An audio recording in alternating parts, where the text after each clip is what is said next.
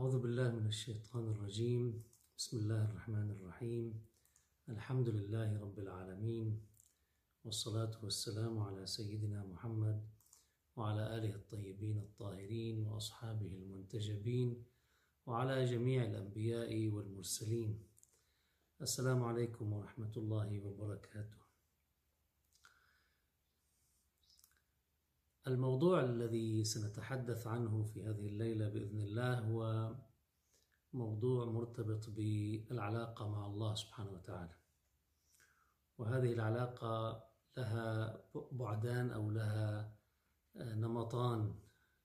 النمط الأول هو النمط الذي هو مرتبط بالعبادات والذي هو عادة محدد من قبل الشريعة فالصلاة مثلا محددة الأعداد وأيضا لها عدد معين من الركعات والسجدات والذكر. وهذه محصورة في إطار محدد وبالتالي لا نستطيع أن نزيد عليها ولا نستطيع أيضا أن نطور فيها أو نغير فيها تحت أي اعتبار من الاعتبارات.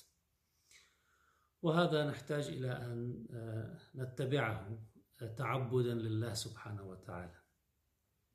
هناك نمط من العبادات غير مرتبط بشكل وغير مرتبط بقواعد أو بتفصيلات جعلتها الشريعة. وبالتالي للانسان الحرية في أن يعبر بهذا اللون العبادي كما يشاء بحسب ما يرتاح بالطريقة التي تشعره بأنه منفعل بأنه متأثر بأنه منجذب.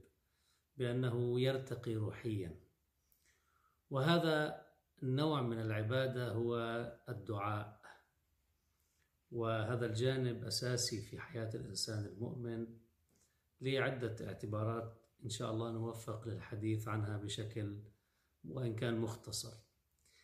النقطة الأولى التي سنتحدث عنها لماذا يجب أن ندعو؟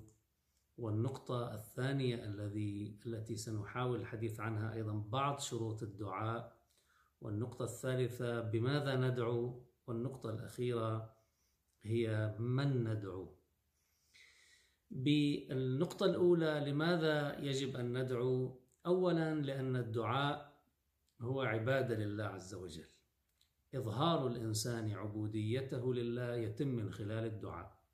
كما يتم من خلال الصلاة والصيام والعبادات المرسومة فإنه يتم أيضا من خلال الدعاء باعتبار أن الإنسان عندما يلجأ إلى الله سبحانه وتعالى فإنما يطلب منه من موقع أنه فقير إليه أنه محتاج إليه أنه يحتاج إلى مساعدة يحتاج ربما إلى مأكل إذا كان فقيرا لا يجد ما يسد به جوعه وعطشه.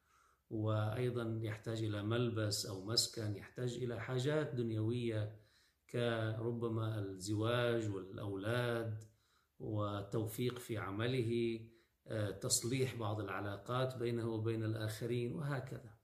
وأيضا يحتاج إلى الدعاء أو أو له حاجات يعبر من خلالها عن بطريقة الدعاء يعبر عنها من خلال الدعاء. هذه الحاجات هي أخروية مرتبطة بالمنزلة عند الله سبحانه وتعالى بالقرب من الله بالجنة التي يريد الإنسان دائما أن يحصل عليها وأن تكون هي نهايته في نهاية المطاف هي المصير الأبدي. وأن يبعده الله سبحانه وتعالى عن الشرور وعن النار وعن العذاب وعن البعد عنه الذي هو أشد من من عذاب النار في حد ذاته. فإذا الله سبحانه وتعالى يريدنا أن ندعو لأن الدعاء في حد ذاته عبادة.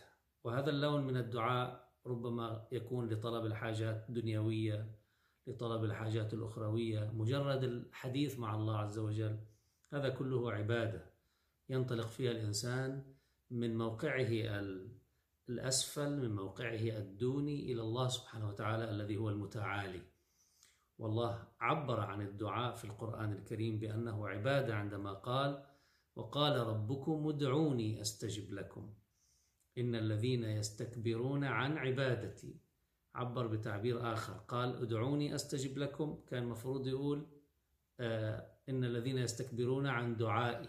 لكن أراد والله أعلم أراد أن يشير إلى أن الدعاء عبادة. فاستبدل الكلام أو الكلمة وقال بأنه إن الذين يستكبرون عن عبادتي سيدخلون جهنم داخرين. الإنسان الذي لا يجد حاجة للدعاء هو إنسان يعيش نوع من التكبر ويعيش نوع من الاستخفاف بالله عز وجل. وهذا أمر في حد ذاته آه، لا يصلح للإنسان وهو السبب الذي أخرج الإنسان أصلا من الجنة. آه، أخرج إبليس من الجنة وأيضا عندما عصى الإنسان فاستكبر على أمر الله عز وجل كذلك خرج من هذه الجنة ويخرج دائما بسبب ذلك من الجنة. لذلك عندنا في الروايات أنه لا يدخل الجنة من كان في قلبه ذرة من كبر من كبرياء. الكبرياء ردائي فمن نازعني فيه ألقيته في ناري ولا أبالي مضمون الحديث القدسي. إذا لماذا يجب أن ندعو أولا؟ لأنه عبادة. الأمر الثاني لأنه يمثل حالة ارتقاء. الدعاء نفسه من حيث أنه عبادة وأنه تجسيد للعبودية لكن هو يخلصنا من داخلنا هو يطهرنا من داخلنا. نفس الحديث مع الله سبحانه وتعالى هو حديث لذيذ هو حديث طيب هو حديث يخرجنا من الظروف المادية التي نعيش فيها وأقصد ظروف الحياة الدنيا يخرجنا إلى العالم الآخر يخرجنا لنحاكي المطلق الموجود المطلق واجب الوجود. الذي أعطى كل شيء خلقه ثم هدى الذي يفيض نعمه على عباده من يسأله ومن لا يسأله.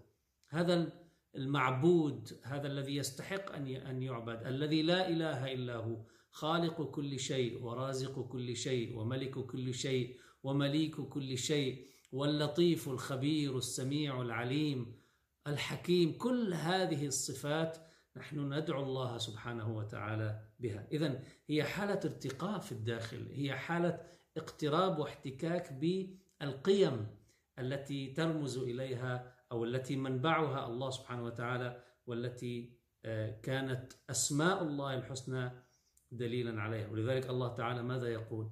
ولله الأسماء الحسنى فادعوه بها. معنى ذلك أننا ندعو الله سبحانه وتعالى من خلال الأسماء التي تجلت في هذا العالم.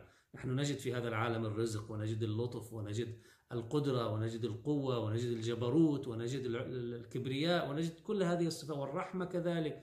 كل هذه الأسماء الحسنى نجدها تتجلى في هذا العالم. فعندما ندعوه بها إذا نحن نستدعي هذه القيم من منبعها الأصيل لتكون جزءا من تركيب شخصيتنا جزءا من ذهنيتنا جزءا من روحنا لأن الدعاء يعطينا أيضا هذه الروح وليس فقط مجرد معادلات فكرية.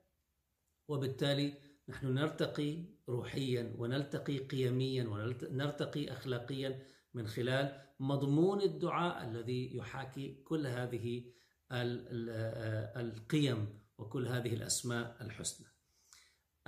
السبب الثالث الذي يجب أن ندعو الله سبحانه وتعالى من أجله هو كما يقال نوع من الفضفضة يعني نوع من تصريف النفسي. الإنسان من أفضل من الذي يستر علينا أن نلجأ إليه أن نشكو إليه أن نتحدث معه عما يؤلمنا في الحياة. عن الأمور التي ربما آه، تضغط على ظروفنا على أوضاعنا تجعلنا نضعف في كثير من الأحيان تجعلنا نحزن تجعلنا نغتم تجعلنا نعيش الهم في في آه، وهو ثقيل على ظهورنا وهكذا. من الذي نلجأ إليه أفضل من الله سبحانه وتعالى؟ كثير من الأحيان نحن نتحدث مع الناس ونشكو إليهم وبنقول للواحد منهم انه خلي الموضوع بيناتنا. أنا عم بحكي لك لأنه أنا واثق فيك. فجأة بنعرف أنه هذا الأمر قد حكاه ربما لبعض المقربين إليه ربما لبعض أفراد أسرته ربما لصديق آخر. وأيضا ذاك يأتمنه على السر وهكذا.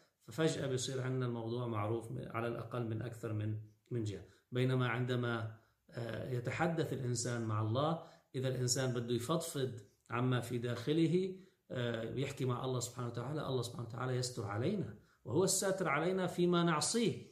فكيف في الأمور التي نلجأ فيها إليه من موقع العبودية؟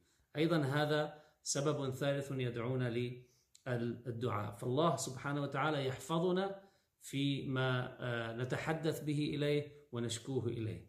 أيضا الدعاء هو ثقافة بمعنى خصوصا الأدعية المأثورة أو الأدعية القرآنية أو التي وردت عن النبي وأهل بيته عليهم الصلاة والسلام هذه الأدعية تمثل نوع من الثقافة يعني لو راجعنا الفهرس الموجود للصحيفة السجادية لوجدنا بأنه هناك الدعاء لحملة العرش هناك الدعاء للنبي هناك في الصلاة على النبي هناك الدعاء للأبوين هناك الدعاء للأولاد هناك الدعاء للجيران هناك الدعاء إذا نظر إلى الهلال هناك دعاء إذا نظر إلى البرق هناك دعاء لجيرانه. وهكذا. سنجد بأنه في مضمون كل دعاء من هذه الأدعية هناك ثقافة تحدد لنا ما هي المفاهيم الإسلامية الأساسية. كيف يجب أن ننظر إلى العالم؟ كيف يجب أن نتعاطى في علاقاتنا في داخل هذه الدنيا؟ كل هذا نجده في هذه الأدعية. ولذلك ونحن نرتقي روحيا ونحن نعبر عن العبادة لله سبحانه وتعالى ونحن نمارس نوع من التصريف النفسي أو نوع من الفضفضة النفسية كما عبرنا. نحن أيضا نكتسب ثقافة. هذه الثقافة هي ثقافة وجودية. تجعلنا نعرف من نحن ماذا نمثل في هذا العالم؟ ماذا تمثل هذه الدنيا؟ تذكرنا أيضا بمسؤولياتنا في الحياة. هذا أمر أساسي كذلك. فإذا هو عبادة هو اقتراب من الله عز وجل هو توازن نفسي هو ثقافة هو طلب للحاجات. هذا أمر أيضا بديهي. الدعاء هو لطلب الحاجات من الله عز وجل وهي حاجات دنيوية لا مانع. الله سبحانه وتعالى لا يريدنا فقط أن ندعوه لنحصل على الجنة بل يريدنا أن ندعوه في كل ما أهمنا. كل شيء. بعض الروايات بيقول له لموسى عليه السلام حتى شسع النعل. أو بعض الروايات تتحدث عن الدعاء حتى شسع النعل. يعني واحد إذا انقطع شسع نعله يعني آه، خرب حذاء وأجلكم الله أنه يدعو الله حتى في مثل ذلك أنه ما يستحي مع الله. شوف قديش الموضوع العلاقة قريبة بيننا وبين الله عز وجل. النقطة الأخيرة أو السبب الأخير الذي يدعونا إلى الدعاء آه، هو آه، أن الله سبحانه وتعالى يريد منا أن ندعوه لكي يبقى هناك تواصل بيننا وبينه. ولذلك في شيء من التهديد الإلهي أنه إذا قطعت أيها الإنسان الدعاء فإن الاهتمام من الله عز وجل بك سيكون مقطوع كذلك. قل ما يعبأ بكم ربي لولا دعاؤكم. فقد كذبتم فسوف يكون لزاما. إذا اهتمام الله بنا هو رهن بتواصل هذا التواصل مع الله سبحانه وتعالى باتصاله باتصاله الدائم باستمراره من الأدنى وهو العبد إلى الأعلى وهو الله سبحانه وتعالى. قل ما يعبأ بكم ربي لولا دعاؤكم. تخيل هالحياة مقطوعة يقطعها الإنسان عن الله سبحانه وتعالى. إذا آه، اهتمام الله بعد نحن اللي قطعناها. نحن الذين مثل ما بيقولوا قطعنا الكونكشن بيننا وبين الله سبحانه وتعالى. ولذلك نحتاج إلى هذا الدعاء لكي يعبأ الله بنا لكي يهتم الله بنا لكي نبقى على اتصال بالله سبحانه وتعالى. الله سبحانه وتعالى هو الكريم المطلق هو الفيض المطلق لكن العبد بيجي بيسكر. الله سبحانه وتعالى فاتح يعني ال server الإلهي إذا صح التعبير مفتوح. وأيضا ما بده كتير لا password ولا شيء موضوع كتير سهل. طيب كله مفتوح وكله ماشي من جهة الله سبحانه وتعالى. بيجي العبد شو بيعمل؟ بيعمل disconnect وخلاص بيوقف. فإذا بعد الاهتمام الاتصال بهذا الفيض الإلهي نحن اللي بنكون قطعناه إذا هذه أسباب تقول لنا لماذا يجب أن ندعو. أيضا آه، النقطة الثانية هي شروط الدعاء. أنا لن أتحدث عن كثير من الشروط لكن بعض هذه الشروط لها مرتبطة بالداخل. التطهير الداخلي للإنسان يعني إذا عندنا كمبيوتر مثلا في فيروس وبدك تروح تعمل connection للإنترنت آه، وبدك يمكن عندك download وعندك upload وما إلى ذلك. إذا في فيروس وشغلات بصير خربطة بكل عمل الكمبيوتر اللي هو بين إيديك. طيب نفس الشيء الإنسان إذا في فيروسات روحية وفيروسات أخلاقية وفيروسات آه، ربما لفظية لساننا مش نظيف آه، فيروسات ربما فكرية ما مخلصين حالنا ما مطهرين حالنا ما منظفين ما مركزين على الأنتي فيروس الشيطان ما بده؟ بيبعث لنا فيروسات ويلا يعني آه، جهازنا الداخلي يتلقى كل ذلك. إذا ما منظفين الفيروسات أو كمبيوترنا الداخلي من الفيروسات بعد كيف الكونكشن بده يمشي بشكل جيد؟ ولذلك بعض الروايات بيدعي الله واحد أربعين سنة بده ولد فبيبعث له يرسل الله سبحانه وتعالى يوحي لبعض أنبيائه في ذلك الزمان يقول له ائت ذلك الإنسان؟ فقل له أنه إنك دعوت الله بلسان بذيء وبقلب غير نقي فاشتغل على هول الشغلتين بعدين الله بيستجيب لك دعائك. ما بيصير الآلة التي ندعو الله بها تكون بذيئة تسب الفحش من الكلام ما عندنا مشكلة فيه. لا يبالي الإنسان ما قال ولا ما قيل له. ما بيصير. ما بيصير أيضا قلبنا ما يكون طاهر. في الله وفي مع الله كثير من الشركاء الزعيم الفلاني والإنسان الفلاني والمال والجاه وكل شيء بالحياة هو شريك مع الله سبحانه وتعالى. هوانا شريك مع الله سبحانه وتعالى. ما بيصير. الله سبحانه وتعالى وحده لا شريك له. صف القلب صف النية. الجأ إلى الله من موقع العبودية وبعدين نظف آلاتك التي تدعو الله سبحانه وتعالى بها.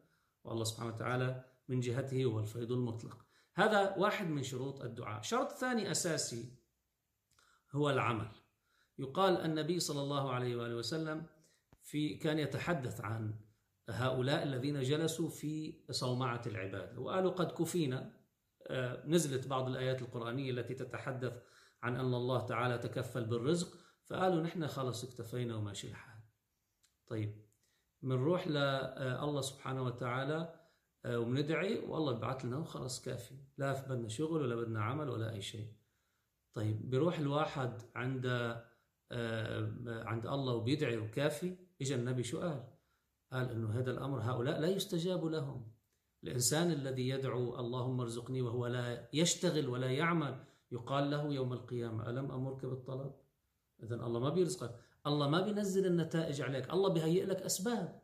الله يمكن بدك أنت فرصة عمل على الأقل روح قدم طلب.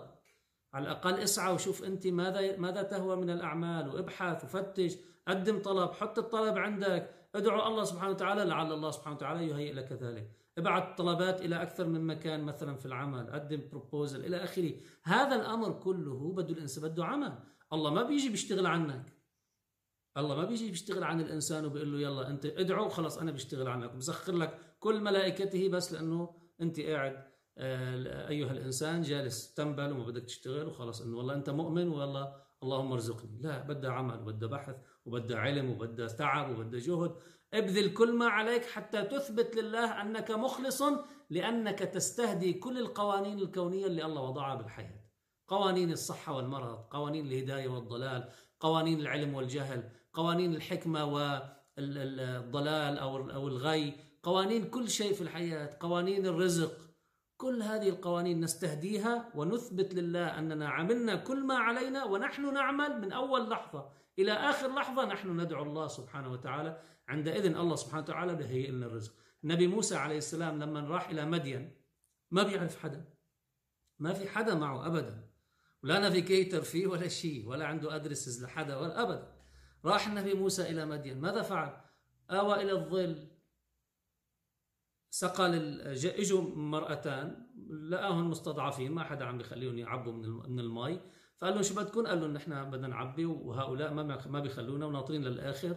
وعندنا أبونا شيخ كبير وكذا. فهذه الرحمة من موسى عليه السلام سقى لهما. كان قوي النبي موسى شديد البنية. بعدين شو راح إلى ظل شجرة. جلس. قال ربي إني لما أنزلت إلي من خير فقير. طيب. بس الآن. شو عمل؟ راح إلى بعد شوي. بتجي وحدة من هاتين البنتين. بتقول له إن أبي يدعوك ليجزيك أجر ما سقيت لنا. يروح عنده شو بيقول له؟ لا تخف نجوت من القوم الظالمين. هو أول ما ظهر من مصر شو قال له؟ ربي نجني من القوم الظالمين. قال له نجوت من القوم الظالمين. هاي استجابة ثاني اذا هو أصبح عنده مسكن. اثنين استجابة ثاني عنده كرامة كذلك بالعمل. قال له إني أريد أن أنكحك إحدى ابنتي هاتين على أن تأجرني ثمانية حجج. تشتغل عندي ثمان سنين وإذا بدك بتزيدهم سنتين بصيروا عشرة. وأنت بتكون عندي موجود بقلب البيت. وابن النبي موسى اشتغل عنده وكان نبي وهكذا يعني كان شعيب نبيا. وهكذا الله سبحانه وتعالى استجاب له هيأ له الأسباب. أما الله سبحانه وتعالى ربي نجني من القوم الظالمين وما عمل شيء لا خرج من مصر ولا راح إلى مدين. وإذا شاف ناس مستضعفين ما بدوش يسأل عنهم وناس بدهم إعانة ما بيساعدهم. وناس بدهم آه، خير يمكن كلمة جميلة أيضا ما مستعد يعطيهم. إنه الله شو بده ينزل لك إياها بالسلة يعني؟ اذا لا ليس هناك استجابة للدعاء إلا مع العمل. وهون بنكون نحن عم نجمع بين أمرين أساسيين بين العبودية لله في الحياة وبين الاشتغال بقوانين الحياة نفسها. والمؤمن مش هو الإنسان اللي بيدعو بس وبيقعد بالمسجد وبيترك كل شيء لا بحث علمي عنا لا اختراعات عنا لا آه، تطوير لمجتمعاتنا عنا. ابدا مش هيك. الدعاء مع كل ذلك. نعم هذا بيخلينا دائما كونكتد لله سبحانه وتعالى وللخير كله. في هذا العمل الذي نقوم به. بماذا ندعو؟ اولا هناك أدعية مأثورة. أهم تلك الأدعية الأدعية القرآنية. بسيطة كالدعاء الذي تلوناه قبل قليل. ربنا آتنا في الدنيا حسنة وفي الآخرة حسنة وقنا عذاب النار. ربنا أفرغ علينا صبرا وتوفنا مسلمين. ربنا أفرغ علينا صبرا وثبت أقدامنا وانصرنا على القوم الكافرين. ربنا اغفر لنا ولإخواننا الذين سبقونا بالإيمان ولا تجعل في قلوبنا غلا للذين آمنوا. كل هذه الأدعية موجودة في القرآن الكريم. هذه الأدعية نهتم بها ونكررها. واحد بده رزق ربي إني لما أنزلت إلي من خير فقير. بده زوجة ربنا هب لنا من أزواجنا وذرياتنا قرة أعين. بده أولاد ربي هب لي من لدنك ذرية طيبة. هب لي من لدنك ولي وهكذا. هذا واحد. اثنين عندنا أدعية مأثورة عن النبي وأهل بيته عليهم الصلاة والسلام. وهذه فيها زخم روحي عالي جدا. فيها زخم روحي عالي جدا. وأنا بذكر السيد فضل الله رضوان الله عليه لما كان يخرج من ليالي القدر كان آه، بتشوف ربما هذا القلق الروحي في وجهه وبين عينيه فكان يقول قديش فعليا هذه الأدعية المروية عن أهل البيت عليهم السلام قديش فيها فهم لهذه العلاقة مع الله قديش فيها تعبير عن هذه العلاقة مع الله سبحانه وتعالى. هنا عظمة أهل البيت عليهم السلام عندما تجد هذا القرب من الله كيف يعبرون عنه. أيضا الأمر الثالث أو الوسيلة الثالثة هي أنه آه، الله سبحانه وتعالى آه، ندعيه بلساننا مثل ما بدنا باللغة العامية وبالفصحى فينا. بالإنجليزي وبالفرنسي وبالأردو وبالفارسي والعربي واللي بدنا إياه فينا كل واحد باللغة اللي بده إياها من دون أي بروتوكولات من دون أي حواجز من دون أي اعتبارات وين ما كان الإنسان قاعد على مصلية ماشي عم بيسوق سيارته رايح على شغله عم يفتح شغله اجى زبون. هكذا كل هذه الأوضاع التي نعيشها يستطيع الإنسان أن يضل مثل ما بيقولوا كونكتد لله سبحانه مع الله سبحانه وتعالى. هذا أمر مفتوح وقال ربكم ادعوني أستجب لكم. وبالتالي ليس هناك من آه، يعني آه، خلينا نسميها مثل الصلاة. في عنا أمور مرسومة للصلاة. لا ما عنا الدعاء ادعي كيفما شئت. كما تشاء بأي لغة كيفما تشاء. بالطريقة اللي بدك إياها. بعض الناس كان من من يمكن من حرقته هيك يعلي صوته يا الله وينك؟ إنه أنا بعدني عم بحكي لي سنتين عم بدعي وبعد ما شفت شيء طبعا مهم هون جدا بعالم استجابة الدعاء إنه نكون عم ننظر للساينز يعني للعلامات اللي الله عم يبعث لنا إياها. لأنه أحيانا الإنسان ناطر ناطر السلة تنزل من السماء له لحتى تتحقق النتيجة اللي بده إياها. لا. الله بيكون عم يبعث لك كثير من الشغلات لازم تلتفت لها. الأمر الأخير الذي يجب أن نلتفت إليه هو كيف أن الله سبحانه وتعالى آه، أراد أن آه، نراه. الله تعالى قال وإذا سألك عبادي عني فإني قريب. أجيب دعوة الداعي إذا دعان فليستجيبوا لي وليؤمنوا بي لعلهم يرشدون. يعني أنا قريب ونحن أقرب إليه من حبل الوريد. هلا ما بعرف على اليمين ولا على الشمال. نحن أقرب إليه من حبل الوريد. هذا الحبل الوريد الذي يضخ الدم من الدماغ إلى القلب يعني هالصلة بين الدماغ والقلب والجسد ككل. وهذا اللي بيتوقف عليه حياته للإنسان. نحن أقرب إليه من هذا الذي هو في رأسه في رقبته القريب إلى قلبه. نحن أقرب إليه من حبل الوريد. الله سبحانه وتعالى مش بحاجة حتى نعلي صوتنا يسمع السر وأخفى. الله سبحانه وتعالى وإن تجهر له بالقول فإنه يعلم وإن تجهر بالقول فإنه يعلم السر وأخفى. تخيل نحن ما بحاجة آه، لنحكي مع الله بصوت عالي حتى فينا نهمس بيننا وبين الله عز وجل. هكذا الله هو قريب منا وهكذا الله يفيض علينا وهكذا الله سبحانه وتعالى يطعينا. يعطينا من منه ومن فيضه فيما نسأله وفيما لا نسأله ربنا لا تزغ قلوبنا بعد إذ هديتنا وهب لنا من لدنك رحمة إنك أنت الوهاب Just a brief in English, Allah subhanahu wa ta'ala wants us to raise our dua to Him and to ask Him. And actually, we have um, some reasons that we have to that um, uh, make this dua makes that make this dua uh, a necessary um, a tool between us and Allah subhanahu wa ta'ala. Uh, Allah subhanahu wa ta'ala wants us to do the dua because the dua is a kind of worship. Also, it uh, make our the distance uh, nearer to Allah subhanahu wa ta'ala. Allah subhanahu wa ta'ala wants us to do the dua because we, we, we may uh, we may educate it from the dua and also Allah subhanahu wa ta'ala wants us to do the dua because Allah subhanahu wa ta'ala says uh, to, uh, uh to, to the believers um, uh, and he, he says for the uh, Prophet sallallahu alaihi wasallam to say to us, say, O Muhammad, my Lord would not concern himself with you, but for your prayer. So this is the uh, this is the way to be uh, connected along the time during the day and the night. Uh, Allah subhanahu wa ta'ala also, uh, there's some conditions. The second point, there's some conditions that we have to fulfill in order to make our dua uh, responded by Allah subhanahu wa ta'ala. one of the main conditions is to be pure from inside. The second one is to do our job actually in, in all the domains that we do dua for. Uh, the third point here is to um, uh, to uh, uh, what dua do we uh, recite here? Actually, we have the dua which is which are mentioned many many duas mentioned in the Holy Quran. We have the dua from the Prophet narrated from the Prophet sallallahu alaihi wasallam, also from Ahlul Bayt alayhi salam.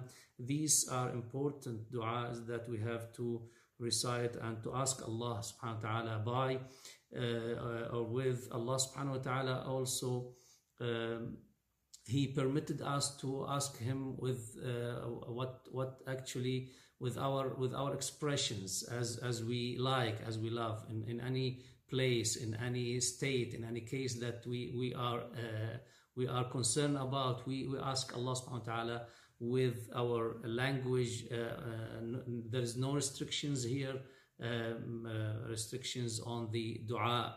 the, the last point, Allah subhanahu wa ta'ala is very near to us. When Allah subhanahu wa ta'ala talks to us about or talks to us or, or, informs us about Himself, uh, he uh, says, and we are closer to him than his jugular vein. And also Allah subhanahu wa ta'ala, He says, وَإِذَا سَأَلَكَ عِبَادِي عَنِّي فَأَنِّي قَرِيبٌ And when my servants ask you, O Muhammad, concerning me, indeed I am, I am near. I respond to the dua of, of the prayers. Uh, I respond to the dua of the prayer when He calls upon me. So let them respond to me by obedience and believe in me that they uh, may be uh, rightly guided. وإذا سألك عبادي عني فإني قريب أجيب دعوة الداعي إذا دعان. والحمد لله رب العالمين والسلام عليكم ورحمة الله وبركاته.